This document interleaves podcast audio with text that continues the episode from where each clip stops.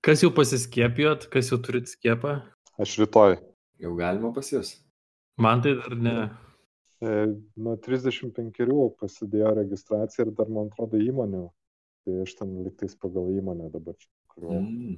Man kadangi dar net 35 nėra, tai aš nei, nei didelė įmonė dirbu, nei, nei 35 neturiu.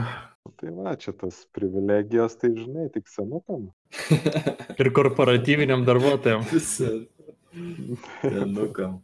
Bet gal greit jau gausim visi, bent po pirmą. Man tai atrodo, kad turėtų visai nesunku gauti tą vakciną, tik jų turi būti nu šioks toks skaičius. Nes yra daug labai skeptikų, kurie ypač nenori e, kai kurių tipų vakcinų, tai jie ten taip, man atrodo, ir, ir nesiskiepis. Tai čia jeigu kas aktyviai nori, tai man atrodo, čia tik tai noro reikalas. Nu, aš, aš tai noriu ir skiepysiuos, kai tik galėsiu. Kol kas tai dar, dar irgi ne, ne, nu kaip, ne, nešaukė dar manęs. Bet jau Mhm. kai jau žinosiu, kad galima, tai lėksiu. Mhm. Ja. O tai kuria, Vaidai, tu skiepsies? Ne, neištariu to pavadinimo, tai nesakysiu ten, nu, tos, kurios ten būna labai sunku pirmą kartą, jeigu ten sureaguoja. A, kad nuo visų gali visko būti. Kaip ten ta AstraZeneca, atrodo, Nuo vadinasi. vienų pirmą kartą, kitų antrą kartą. Loterija. Aš netgi tokį girdėjau, kad jeigu nebūna blogai, tai reiškia tavo imuninė sistema neveikia. Tai dabar kaip ir laukiu, kad blogai būtų, nes kaip ir geras ženklas. Nu jo, nes net ir sergant, kodėl mes ten blogai jaučiamės, nes ten mūsų imuninė sistema sukelia visus pavojaus alarmus ir pasirengia kovai. Tai, tai čia iš panašių, gal irgi panašiais principais a, imunitetas dirba savo darbą. Aš galiu papasakoti tokį, kaip čia, teko man šiek tiek su, e, kaip mes turim tokią programą įmonėje, kuri panašiai internshipą yra. Tai netgi turbūt, e, jeigu esi studentas, tai tau užskaitytų šipą, ten praktiką. Ir man teko šiek tiek namų darbų matyti, nu, mes ten duodavom tokį užduotį. Tai labai labai nustebino, kad jie iš principo visi vienodai, kaip čia pasakyti, nenoriu sakyti blogi, bet jie turi tam tikrų tų savybių tokių, kur aš gal pat ir pats, kai buvau studentas, irgi mėgdavau taip daryti, tai man toksai buvo šiek tiek toks šokas po to, kai, nu, matai šiaip interviu kandidatus ir, ir pamatai studentų krūvą ir, ir vienas iš tokių šokiruojančių dalykų buvo, ne- nes teko irgi su keliais um, gyvai išnekėti, ten interviu turėti antrą. Ir jų buvo toks, nu, pak- paklausus, kodėl nu, jūs taip programuojat arba kodėl čia taip kažką padarėt. Tai jų buvo nu, toks, nes mums visa pirma reakcija buvo, kad mes nesuprantam, ką čia mums padavė. Nu, toks buvo, gauni kodą, kuris yra tiesiog netvarkingas, ten taip toliau.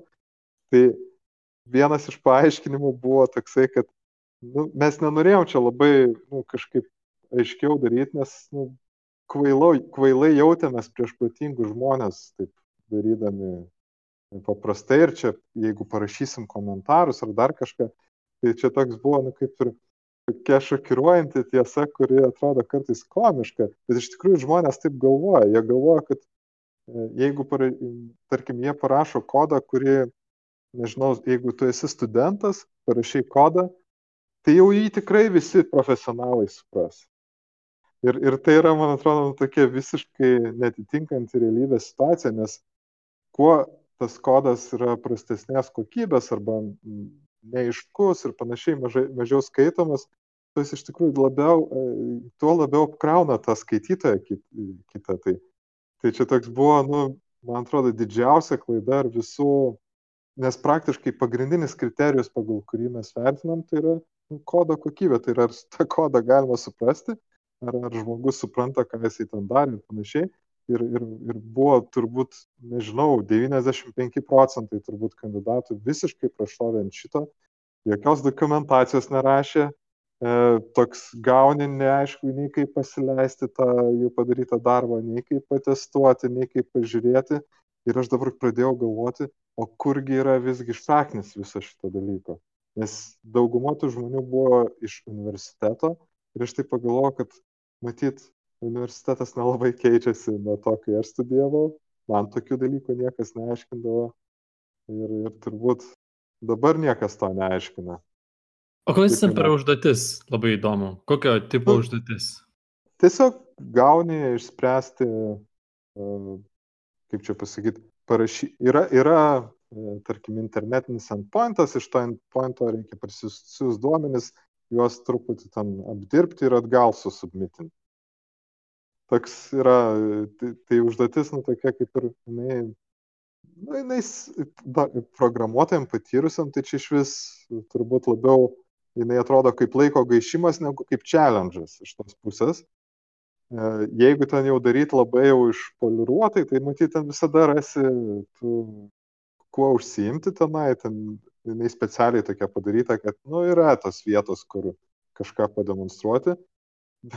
Tai, tai jinai tokia, nu, kaip ir, bet, bet čia mes irgi išsikasėm tą duobę, kad nu, žmonės labai pažiūrėjo paprastai, kad yra instrukcija, ten turi tą padaryti, outputas toks ir, vai, pati programa nesvarbu. Čia yra, nu, tas labai toks studento suvokimas ir, ir matyt, labai keista, kad e, visiškai nėra to tokio, nu, orientavimuose, nu, kaip, e, kaip profesionalai turėtų rašyti kodą ir kam, kokia paskirtis to kodo. Kad, tai, ir man, man iš tikrųjų gaila ir dėstytojų, kurie yra priversti vien dėl to, kad jie to nepaaiškina, jie priversti skaityti ir kompiliuoti kodą savo galvoje, kuris nelabai aišku, ką daro.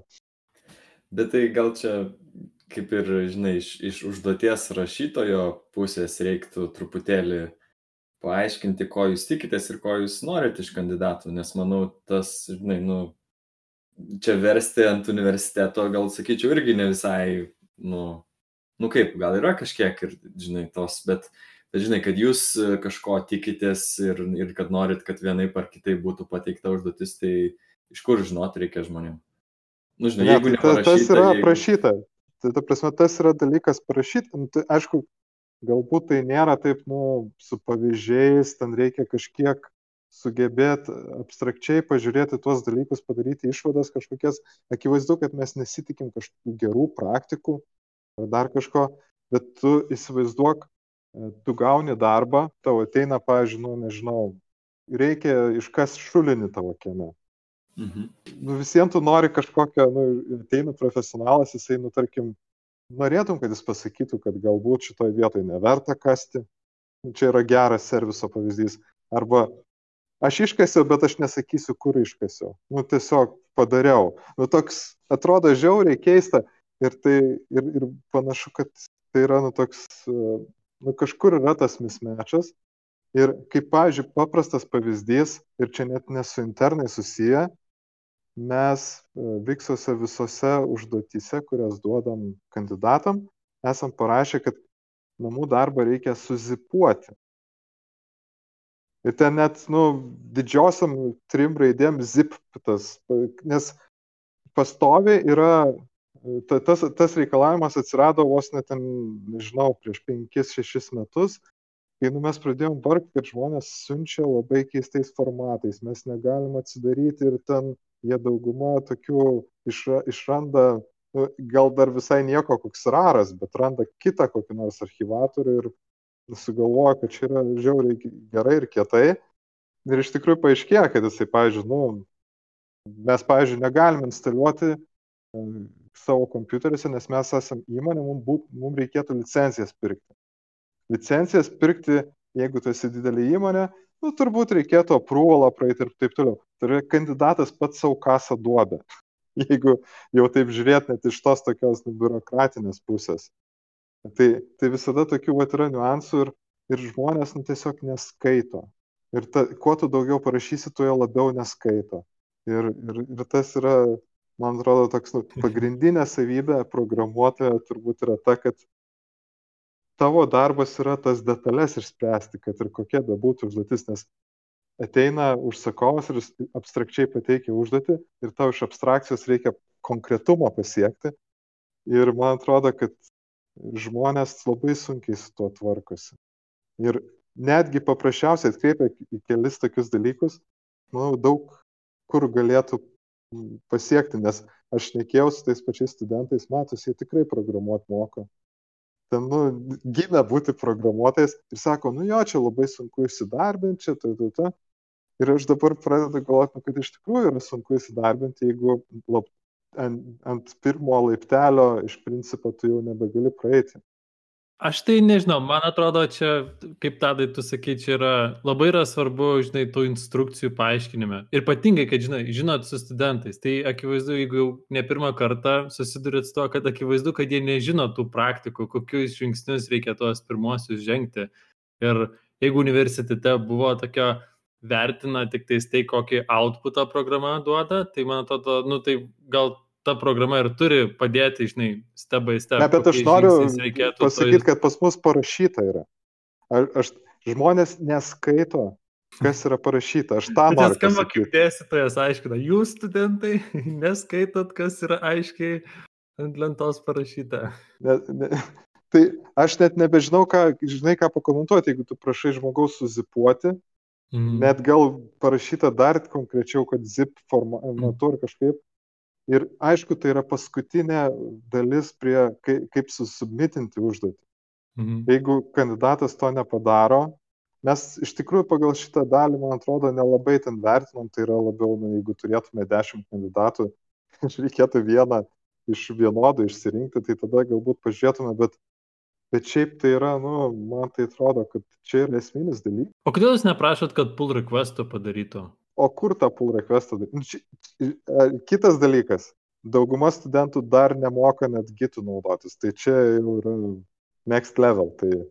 Aš, be, aš tai pasidalinsiu šiaip uh, tokia, nu, praeitą savaitę kažkas user groups tam Slack pasidalino, kad yra toks puslapis, kuriame yra daugiausiai į GitHub'e komitų padarančių žmonių Lietuvoje topas yra tokia svetainė, aš galėsiu paskui surasti, įdėti komentarus. Ir buvo biškis smalsu ir aš pabrausinau ten tam to penketukę uh, tarptų žmonių, kurie buvo. Ir gal ar antroje, trečioje vietoje buvo, buvo dėstytojas. Nežinau, net neįsigilinau per daug, ar tai buvo universiteto ar, ar kolegijos dėstytojas, bet buvo jis tikrai programavimo dėstytojas, kuris visą turinį dėjo į GitHubą, todėl ten daug tų įvairių komitų ir man net aš nustebau, kaip netgi buvo prie kiekvienai paskaitai, būdavo galima į išius eiti ir užduoti klausimą ir jis tiesiog visiems studentams galėtų atsakyti. Tai aš buvau toks netgi taip pozityviai nustebęs, wow, šitas dėstytojas tikrai taip progresyviai, nepaisant to, kad jis tikriausiai jo paskaitos nėra apie GitHub ar Gitą, bet jis išnaudoja tuos labai jau dažnai įmonėse naudojamus įrankius, kad vat, įgautų tie studentai nu, tokių praktinių žinių. Tai man atrodo, jeigu jūs ieškot studentų, gal aš nusiųsiu nuorodą tą, tos repozitorijos, papaustinkit ten, tai bent jau tie studentai tikrai GitHub'u mokės naudotis, jeigu jie jūs appliance. Na, bet, bet čia netgi tas GitHub'as, tai čia yra nu, smulkmena palyginus e, su tuo, kad e, įsivaizduok, nu, pavyzdžiui, kaip atrodo toks submissionas namų darbas padaryta. Ten, tarkim, yra reikalavimai, kurių tiesiog nepraeisi, nes mes turim online'inį validatorių, kuris tiesiog pasako, ar tu praeini ar ne pagal reikalavimus. Tai tą, nu, hard tokius reikalavimus žmonės padaro. Bet net iki tokio lygio, kad, nu, pavyzdžiui, yra algoritmas ir vietoj to, kad jie spręstų tą algoritmą, jie pasima tos e, nu, testo online'inio e, pavyzdžius, juos į hardcodina ir that's it. Ir, ir toks, nu, ir, ir tu tada galvoji, bet kodėl taip žmonės galvoja, nu, turi sak, ką tai reiškia? Nu jo, tokie reikalavimai, reikalavimus patenkinau dan. Ne, reikalavimai yra nu, abstraktus, jie sako, kad turi daryti programą tą, bet yra testas, kuris, nu įsivaizduok, tu mokaisi mhm. teisių Ir, ir tau būna, nu, trys nupiešti biletai, kur, kurie tikrina tik tai tenai tris ženklus, ką jie reiškia. Ir tu nesimokai kitų ir, ir gauni teisės, tai šiuo atveju, nu, tarsi, tu testą išlaikiai. Bet jeigu, pavyzdžiui, būtų kažkoks ten antras žingsnis, kur tavęs klausto, tai ką mm. reiškia kiti ženklai ir tam panašiai, ir tu nebeatsakytum. Nu, taip. Bet žinai, yra ta patarlė, kur sako, reikia samdyti pačius tingiausius programuotojus, nes jie suprogramuos patį tokį trumpiausią, efektyviausią kodą, kuris patenkina acceptance kriterijus. Bet tai nebūtinai yra trumpiausias kodas, tarp kitko. Ne, taip, nebūtinai. Nes ten copy-pastas irgi čia valdovas. studentų darbuose. Mhm.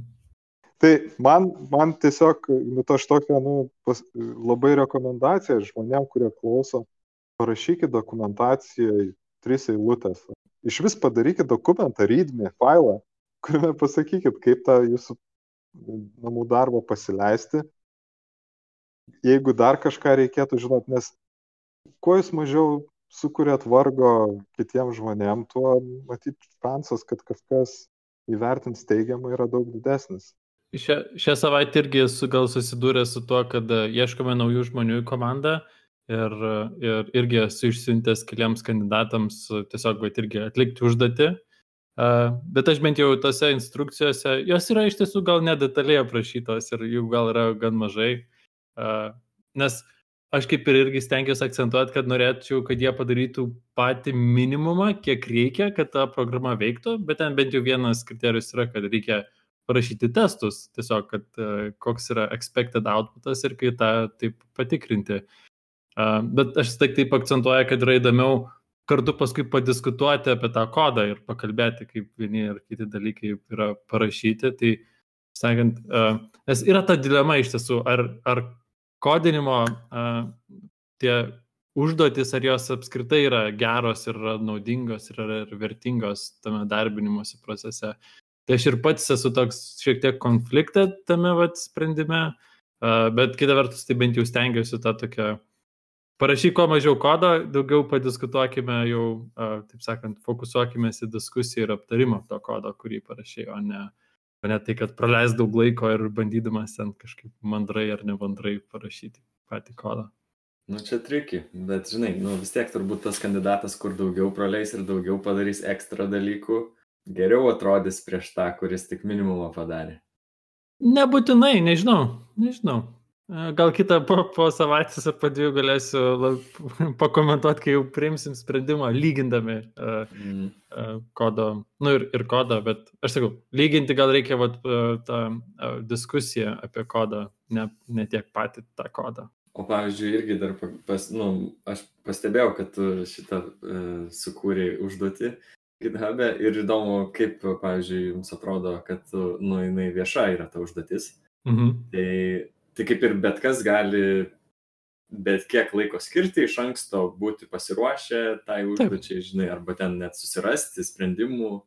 Ja. Um, jeigu ten žmonės viešai ieškos pull request, nu, kas, jeigu, nežinau kaip ten, ar, ar reikia, kad pull requestą sukurtų, tai žinai, irgi kiti gali matyti kitų žmonių sprendimus. Mm.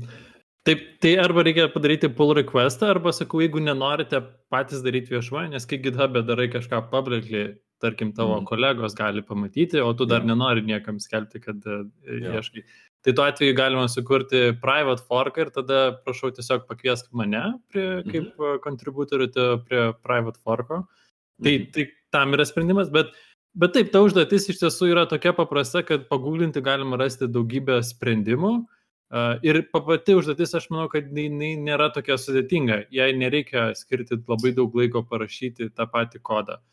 Bet tam, kad ją įgyvendinti, reikia padaryti vis tiek kelis, nu, bent jau kelis dalykus. Reikia vat, ir testą parašyti, ir sustruktūrizuoti, nes tu tikriausiai nenori to turėti vienam failę, parašyti bent jau keletą metodų ir kaip jos, žinai, ir pavadinimus, ir kokios yra inputai, outputai tų metodų.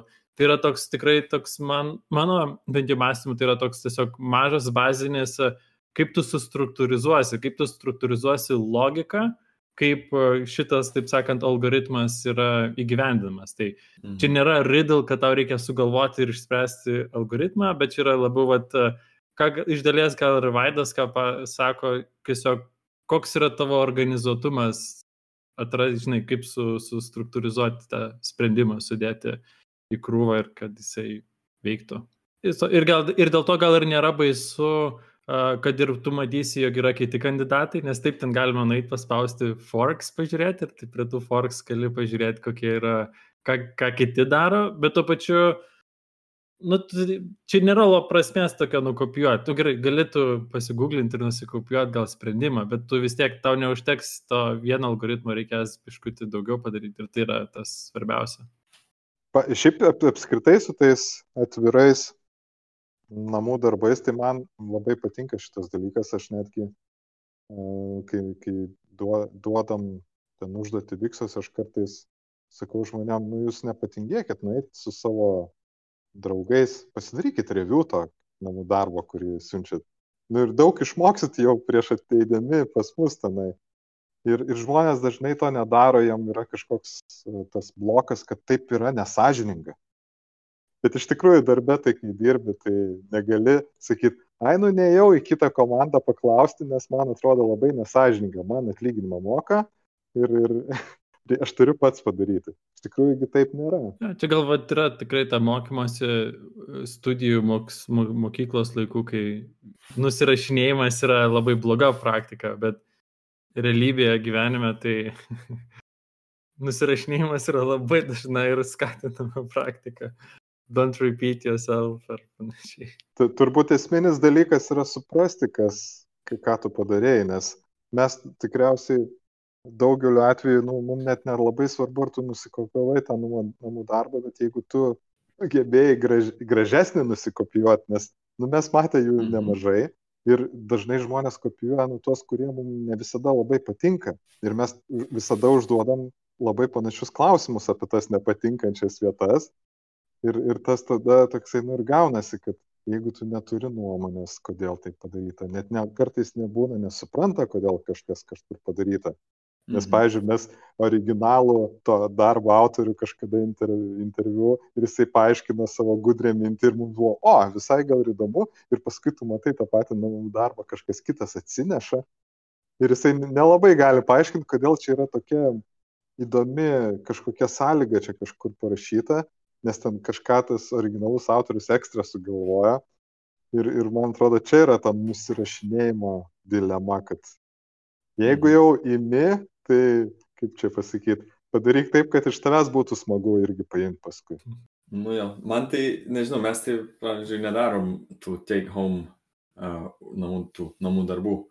E, nežinau, kaip įdomu, ką jūs galvojate apie tai, kadangi pas jūs abu darot tokius užduotis, nes nu, mes nedarom kodėl, tai kad, žinai, ne visi žmonės turi daug to laisvalaikio, kad, kad čia sėdėtų ir, ir spręstų užduotis kažkokias, žinai, nu, žmonės turi gyvenimus ir atsakomybės už darbo ribų ir, žinai, tie, tie žmonės, kurie turi daugiau laisvo laiko, yra, nu, kaip, la, turi daugiau šansų tada gerai pasirodyti. Tai, tai nežinau, mes, mes dėl to kaip ir nedarom jų.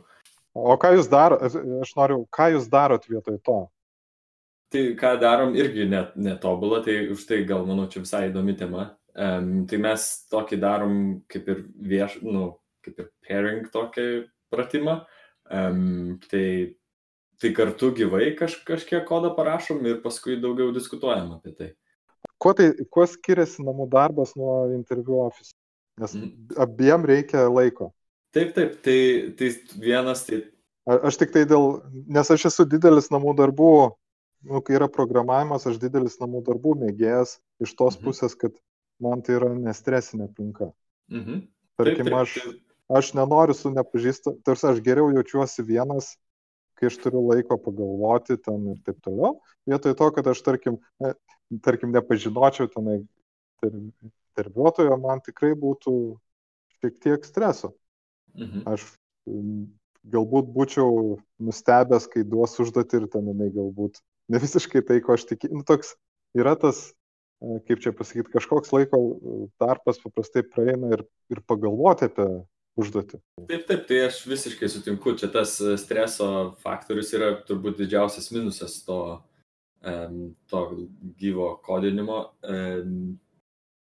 Tai, tai jo, man irgi iš, iš tos pusės tai nepatinka tas, tas aspektas, bet dar ne, nežinau, kaip čia, kaip čia geriau padaryti. Tai, nu, vienas dalykas, ką mes šiek tiek darom, tai daugmaž iš anksto pasakom daugmaž, kas per užduotis bus ir ką reiks daryti.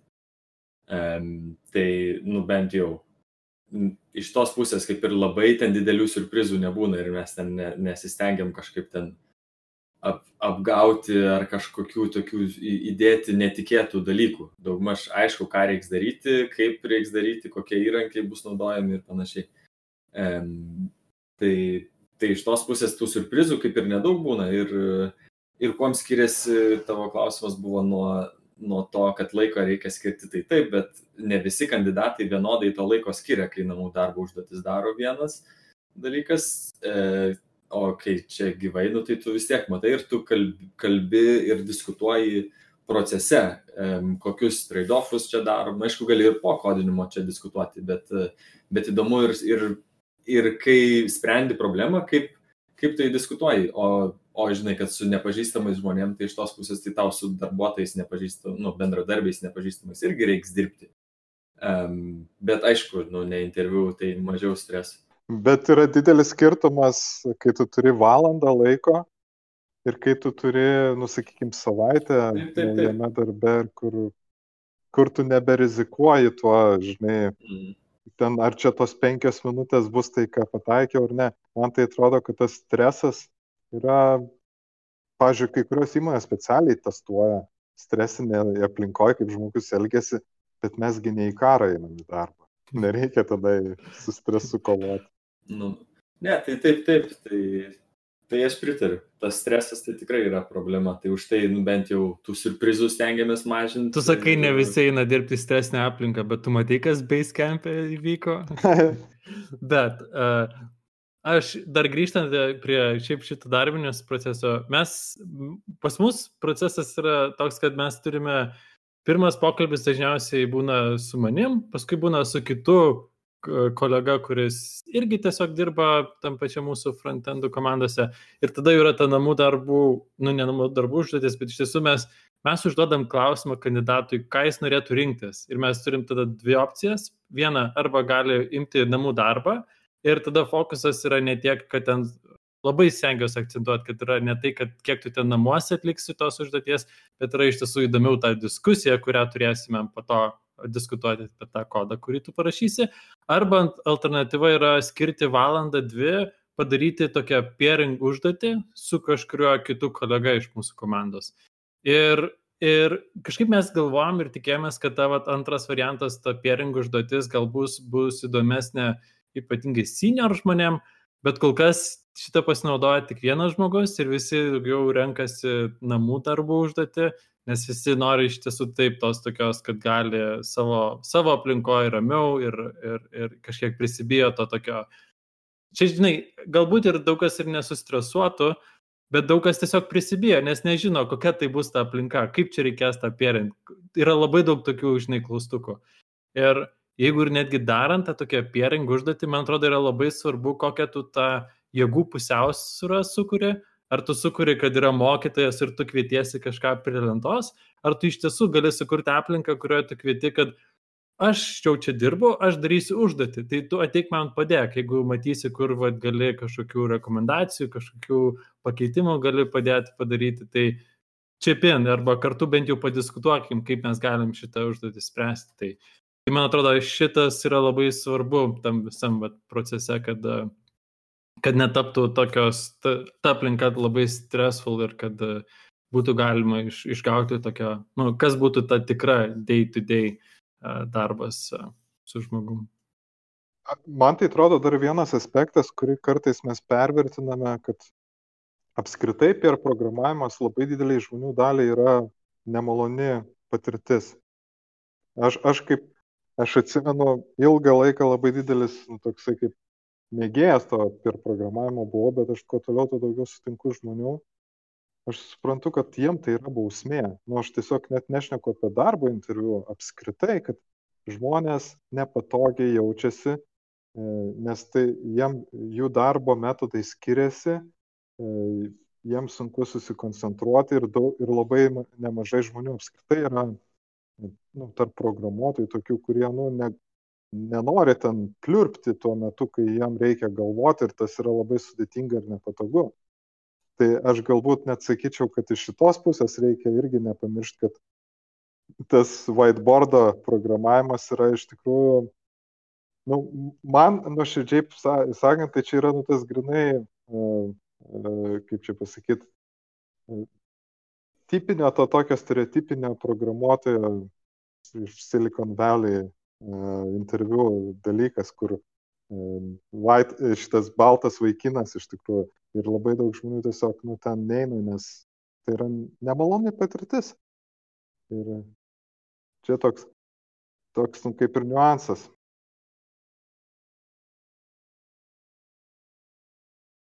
Aš pats jų nelabai mėgstu. Man, pavyzdžiui, patinka per programinti, bet man patinka per programinti su žmonėmis, nu, kuriuos aš pažįstu, e, kur, kur ten, nu, aš žinau, kad, nu, atsisėsi tenai ir, pavyzdžiui, komandai ar ten kažkur, tu atsidarysi kodą, ten pasijuoksi daug, nu, bus tikrai gera sesija, kur daug to tokio sharingo bus. Bet, sakykime, jeigu koks nors aš, pavyzdžiui, code retreatus visokius organizuodavau, tai yra išsunkiantis juodai dalykas, kur tu paskui galvoju, o ne, taip pavargau. Aš čia dabar prisiminiau, čia nuo to karto, kai mes turėjome epizodą apie žaidimus ir kai mes kalbėjome apie tą bomber, Bombermeną, taip yra tas žaidimas vadinasi. Ir man vis buvo smalsu, tai gal yra sukurtas ta Bombermeno žaidimo multiplayer versija, kad galėtume visi kartu pažaisti, gal net Twitch streamą padaryti. Ir čia praeitą savaitę privačiai tarp mūsų dalinausi, kad radau, štai yra multiplayeris, tik ten negalima multiplayer, ten reikia. Bet mes tai apie Superplexą šnekėjome. Oi, Superplexą. Ja, ten. O ką aš atsinčiau Bombermeną, ne? Dėmė. Bombas mėtyt lengviau trysia. Bet tas, tai tas Bombermenas yra labai įdomu, nes ten, ten nėra iš tiesų multiplayeris, bet ten gali kurti algoritmą ir tas tavo sukurtas algoritmas žais už tave. Čia būtų labai jokinga situacija, kai vat, pasikvieti keturis kandidatus ir duodi jiems, jūs dabar galite programuoti savo algoritmą, kuris turi laimėti šitą bombermeno žaidimą. Let the battle begin. Nu, pa papasakok, kaip seksis taip interviuojant. Kad... Ne, ne, tikrai to nedarysiu, bet, bet būtų, būtų mm. įdomus iššūkis. Tikrai netrūkta adrenalino tokiu iššūkiu, tokiame iššūkyje. Tu turi ir suprogramuoti, ir įveikti tą stresą, kad kažkieno algoritmas gal jau gudriau Mm. toj paliks padės bombą. bet būtų smagu gal visai pabandyti šitą. Aš visai mielai pa, pažaisčiau. Mhm. O įdomu, ten galima visom, bet kokiam kalbam tikriausiai rašyti. Visi galėtume su vis kita Gal kalba. ten yra, man atrodo, kažkoks sąrašas, gal ten ne visai bet kokia, bet manau rasim, kas tinka. Kaip aš esu sumaišiau, galvoju, kad Bombermenas ir Superplexas yra... Pats. Yra panašumų kažkiek. Papleksas yra gana toks, mano nuomonė, išskirtinis žaidimas visoje toj grupiai. Tai dėl to mes gal su Tadu taip jį gerai atsimenam. jo, jo, jisai toks. Nu ten ir turbūt sunku būtų padaryti su Poplexa kažkaip, kažkaip multiplayer, nors gal yra variantų. Bet kaip ir reiktų vos nepergalvoti šiek tiek žaidimą. Ne, ne, nu, negalima tiesiog pridėti dar vieno oboliuko ir... Mhm. O tai tadai, tu jau viskas naujam darbe, jau praėjo tas visos... dar toli gražu, trys Dar mėnesiai ne. yra notice period, tai vienas iš jų, vienas Ai, iš jų praėjo mėnesiai. kol kas. Wow. Tai dar dėriuosi, gal po dviejų išleis mane, bet kol kas dar. Kol kas dar ne. Tai va, Mm. tai dar, dar darau visokius dalykus. Taip, po, vis, nu kaip iš, iš vienos pusės gal ir yra, taip ramiai galiu viską, taip, žinai, po truputėlį perduot em, ir, ir ten dokumentacijų prirašyti ir panašiai. Tai visai daug tokių darbų darau dabar. Mhm. Tai va, o dar ir pa, pa, pasidalinsiu šiek tiek mini naujieną. Čia kalbėjom apie, apie desktop kompiuterius aną kartą, tai, Mhm. tai aš įsigijau desktopinį kompiuterį e, dabar ir as, asmeniniams reikmėms, e, nes e, dėl ko tai dėl to, kad e, noriu kaip ir atskirti darbą nuo, nuo asmeninių, o mano asmeninis jau toks labai jau senas ir toks jau sulėtėjęs. Tai jau taip labai nesmagu būdavo, tai aš vis pradėjau ten, žinai, su darbiniu daryti kažką, bet kaip ir nes ypatingai, va, nu, pradedant naują, tai kaip ir ne, nenoriu to, to vėl daryti. Tai, Tai nusipirkai iMac'ą? tai nusipirkau Mac mini. Nes aš jau čia Mac turėjau monitorių, tai, tai labai, Mhm. kol kas labai patenkintas, labai smagus. Ar jau išnaudoji tą, kad gali uh, iOS appsus pasileisti ant jo? E, jo, kol kas dar vieną tik tais taip normaliai naudoju, taip dar daug nebandžiau, šiaip nelabai kažkaip ir to poreikio lyg yra. Gal reiks daugiau pabandyti, bet kol kas tik tais angloną naudoju. Šiaip nesu pabandęs dar net savo, reiktų pažiūrėti, ar tik ho- ticket holderis pasileidžiant. uh, Ai, nu galiu ištestuoti. Bet šiaip aš, e, žmona irgi turi, kažkaip niekada nesusimašiau, kad reikia pabandyti. Mm. Jinai MacBook Air turi. Tai... O anglonas vis dar Šiaip. e, naudojamas daiktas, aš atsiprašau už tokį. Aš tai naudoju.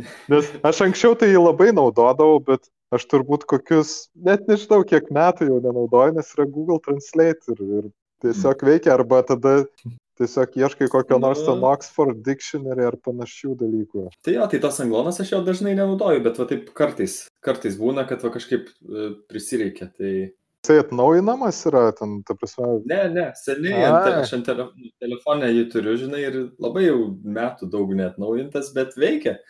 Veikia, žinai, gan neblogai. A- Aš tai tik tai, nu, aš, aš paskutinį kartą ang- angloną naudojau, žinai kaip, aš, e, kai dar tas Google Translate'as gal nebuvo čia toks produktas, tai aš jį instaliuodavau į Linuxą su Vainu ir pasileisdavau per emulatorių. Nes e, Linux'e šiaip irgi yra žodynas, bet jis, nu, tikrai mažokai ten tų žodžių, nes jis ten toksai iš kažkur čia lietuviškai paimtas, importuotas. Jis ten gan ir tvarkingas, bet, nu, tikrai anglonas daug žodžių turėdavo. Bet Google Translate'as keiksmažodžius moka versti. Privalumas. Edvinas pastrigo. Man tai kažkaip tas Dis- Discordo experiences nu, nuvilintis šiek tiek yra. Nes aš pastebėjau, Nu, kad nu. čia kartais būna labai gerai, kartais būna taip šiaip Mhm. savo, kartais aš kai paklausau, koks įrašo kokybė gavosi, tai dabar irgi nebesuprantu, kurioje vietoje čia kažkas nesuveikia. Nu, o kas geriau? Nu, bet nežinau. Aš nežinau, čia labai įdomi, persi... jūs girdit mane? Labai trumpai akimirkai tiesiog dingo, dingo elektra ir routeris persikrovė, monitoriai persikrovė. O, elektra dingo, aš Discordą apkaltinau. O kas nors esat svarstę pirkti UPS va, tam, kad išvengti tokių uh, elektros šuolių? Net nežinau, ar pas jūs dažnai tokie nutinka, bet pas mane bent jau kartą. Aš, aš esu ilgą laiką, uh, nu, kaip keletą metų, čia neilgas gal toks jau ir laikas, bet esu dirbęs universitete, kai dirbdavau, tai seną UPS iš serverinės jau tokį nurašytą pasiėmęs, kuris laikydavo vietoj paskirtos valandos, gal jisai laikydavo 15 minučių. Tai aš juo džiaugiausi, nes ten kai kas nors nutikdavo, ten būna, kad va, taip irgi dinksta, tai, tai kompiuteriai likdavo ten.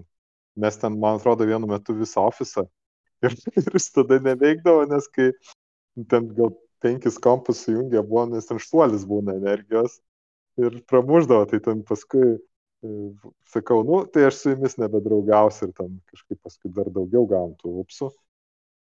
Tai, tai buvo tokių įdomių patirčių.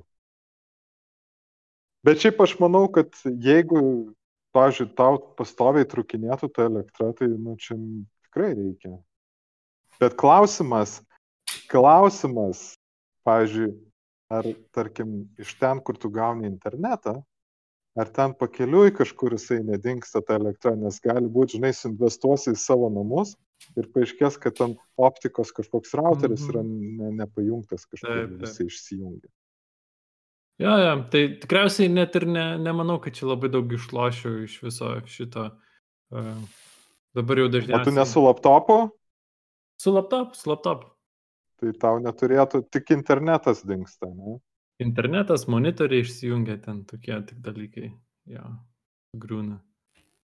Bet dabar užsisakiau Wi-Fi 6 routerį.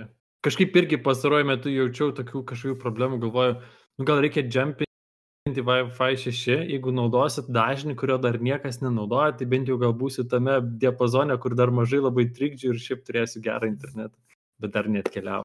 Nu, jisai, jisai labai gerai veiks, jeigu tu būsi nu, atviroje erdvėje ir nu, bus geras šys. Tai iš tikrųjų Mhm. gerai veikia, nes aš irgi turiu. O kokį išsirinkai, Edvinai? Tai užsisakiau Iro. Išsakiau iš vokiškos Amazon DE parduotuvės, bet jie dar neišsiunčia, nes sako, tame sandėlyje nešypina į International, tai ten turi pervežti kitą sandėlį, tai dar kažkaip iški užstrigė yra. Bet buvo labai įdomu, nes to Iro 6 Europoje nepardavinėjo, nors dabar Iro aunina Amazon kompaniją. Ir nepardavinėjo, nes Wi-Fi 6 dar buvo Europoje neaprūvintas, nes kaip tarsi ES turėjo leisti būtent tą dažnį naudoti. Tai, tai jeigu tu jau vaidai turi, tai gali būti, kad tu gal nelegaliai turėjai, tai vai nelegaliai. E, tai ten labai paprasta, susinstaliuoji firmvarą ir įsijungi kokius nori dažnius. Ne, ne, tai žinoma, tas tai, tai, tą gali naudoti, bet... E, ne, aš tik tai noriu pasakyti, kad aš nustojau tą naudoti, nes man tiesiog daug geriau veikia senasis, koks ten 2G, ar kaip jis ten hmm. vadinasi. Jis, jis žymiai stabilesnis, netrukinėja niekas hmm. ten, nu, dėl paprasčiausio dalyko aš neturiu galimybės, aš tiesiog nenoriu routerio kabinti matomai labai vietoje nes jis nu, tiesiog nelabai gražus, ten lai, nėra klaidų kaip nuvesti, nu man tiesiog aš visiškai iš nepatirties pražioplinau šitą mhm. dalyką. Tai... Nes, pavyzdžiui, jeigu tu nori, kad būte būtų labai greitas ryšys, tai ten tos sienos jos visiškai šitiem dažniam netinkamos. Nes tas kitas, kodėl jis yra būtent su tais mm. dažniais labai konfliktuoja, nes jis yra labai skvarbus ir, ir su kaimynais galima interneto karą žaisti, bet su šituo tu jau nepažaisi. Tai, pavyzdžiui, šitas labai tinka, nu, jeigu tu nori ten kokį nors, uh, ką aš iš pradžio visai norėjau daryti, uh, ten turi, tarkim, kokius nors pultelius, kurie per Wi-Fi gėminimui jungiasi. Ir tas dalykas tada yra iš tikrųjų neblogas. Bet tada reikia tą routerį išsinešti, kad jisai nu, pasiektų ir O tadai tu gal turi netgi dabar, kadangi turi Mac mini, turi gal net ir wired connection į Mac mini? Ne, dėja neturiu, kol kas vis dar, aš irgi naudoju 2,4 GHz Wi-Fi, nes, nu, nes, tas, nes man jisai geriau, stabiliau veikia negu 5. Hmm, kaip įdomu. Čia panašu, kad visi, visi pagrindė naudoja 2,4. Hmm. Mhm. Bet čia yra, nu, ne, čia yra toks dalykas, kurį labai nesunku žinoti, jeigu turi patirties, nes kai paguglini, žinai, kad reikia šitą patikrinti, tai tada sužinai, kuo skiriasi tie visi dažniai. Čia kaip ir, pažiūrėjau, tas 5G ateina mobilus ryšys, jis lygiai tą pačią problemą turi kaip ir šitie visi, nes mes einame į tuos dažnius, kur galima daug duomenų, bet jie reikalauja labai specifinių sąlygų. Mm kaip ir Vaidas, lygiai panašiai, nu, kaip panašiai turiu tą situaciją, kad mano, kur, kur ateina internetas, tai, nu, kaip kitam kampe būtų negu, negu aš esu. Tai, tai kaip ir arba reiktų vedžioti tos kabelius kažkaip, bet kaip čia dabar, žinai, kaip, kai jau viskas čia išvedžiota, nu, kaip ir nesinori, kad ir ten kampe turėti tų, tų, tų kabelių, tai kažkaip uh, nežinau, nu ir aš čia, kadangi nuomoju būtą, tai kažkokių didelių čia pokyčių nesinori daryti, tai kaip ir norėtųsi pasijungti mm. tiesiogiai. Bet... Aš kartais įsijungiu tą greitą režimą, jeigu man reikia failus didelius persikelti mm. iš kažkur. Tai, tai vat, nu, tarp kompiuterio ir, pavyzdžiui, mm -hmm. NASO. Tai, tai tarkim, tuo atveju tai būna kartais įsijungiu tą režimą, bet Dabar tai net pamiršau, iš tikrųjų toks įdomus, labai įdomi patirtis, nes e, tas 2,4 tikrai daug stabilesnis. Matai, turkščiai, aš tai, va dabar iš tiesų esu prisijungęs 2.4 ir jau žiūriu, kaip connectiono signalas nu, nukrito. Bet čia sakau, čia gali būti, kad ir vis dėlto mano routeris jau atidirbęs tos du metus nėra toks patikimas, kokio aš iš jo tikėjausi. Bet aš ir labai didelį skirtumą jaučiu dėl greičio. Nu, bet apskaitai abu, abu dalykus. Man 5 GHz internetas yra ir daug, daug greitesnis, kelis kart. Ir antra, kad ir jis man iš tiesų dar daug stabiliau veikia negu 2,4 GHz. Bet nepaisant to, vis tiek dar ne, nesijaučiu, kad būtų pakankamai stabilus ryšys. Tai, tai bus matyti. Bet čia gali būti tiesiog, kad šitas modelis vis dėlto ne, toks jausmas, kad kartais jisai kažko užprisikaupia šiukšlių ir paskui ten pradeda pametinėti. Nu, čia gali būti, nes savo tarpinėje. Dar gali būti, kad Paketus. jisai naudoja tam, tam tikrus tos tipinius firmvarus, tai kai kurie iš jų reikalauja, kad reguliariai perkrautum. Tai, pavyzdžiui, ta prasme, iš tikrųjų, netgi, man atrodo, yra kai kuriuose interfeisuose nu, nus, gali nustatyti, kad naktį ten kažkurio laiku jis persikrautų. Turn it off and turn it on again. Bet čia juokas juokais, tai iš tikrųjų, tai yra garbage collectorius, nes jisai sprendžia tam tikras TCP problemas, kai tu trekini connectionus, kurių nežinai iš tikrųjų būsenos. Tai kaip ir irgi ten iš dalies jis nėra labai blogas dalykas. Nu, ok, nu ką, tai gero savaitgalio jums. Ir jums. Uh, tai geros vakcinos, Vaidai. Ačiū. Nu, būk sveikas. Iki. Iki. Arba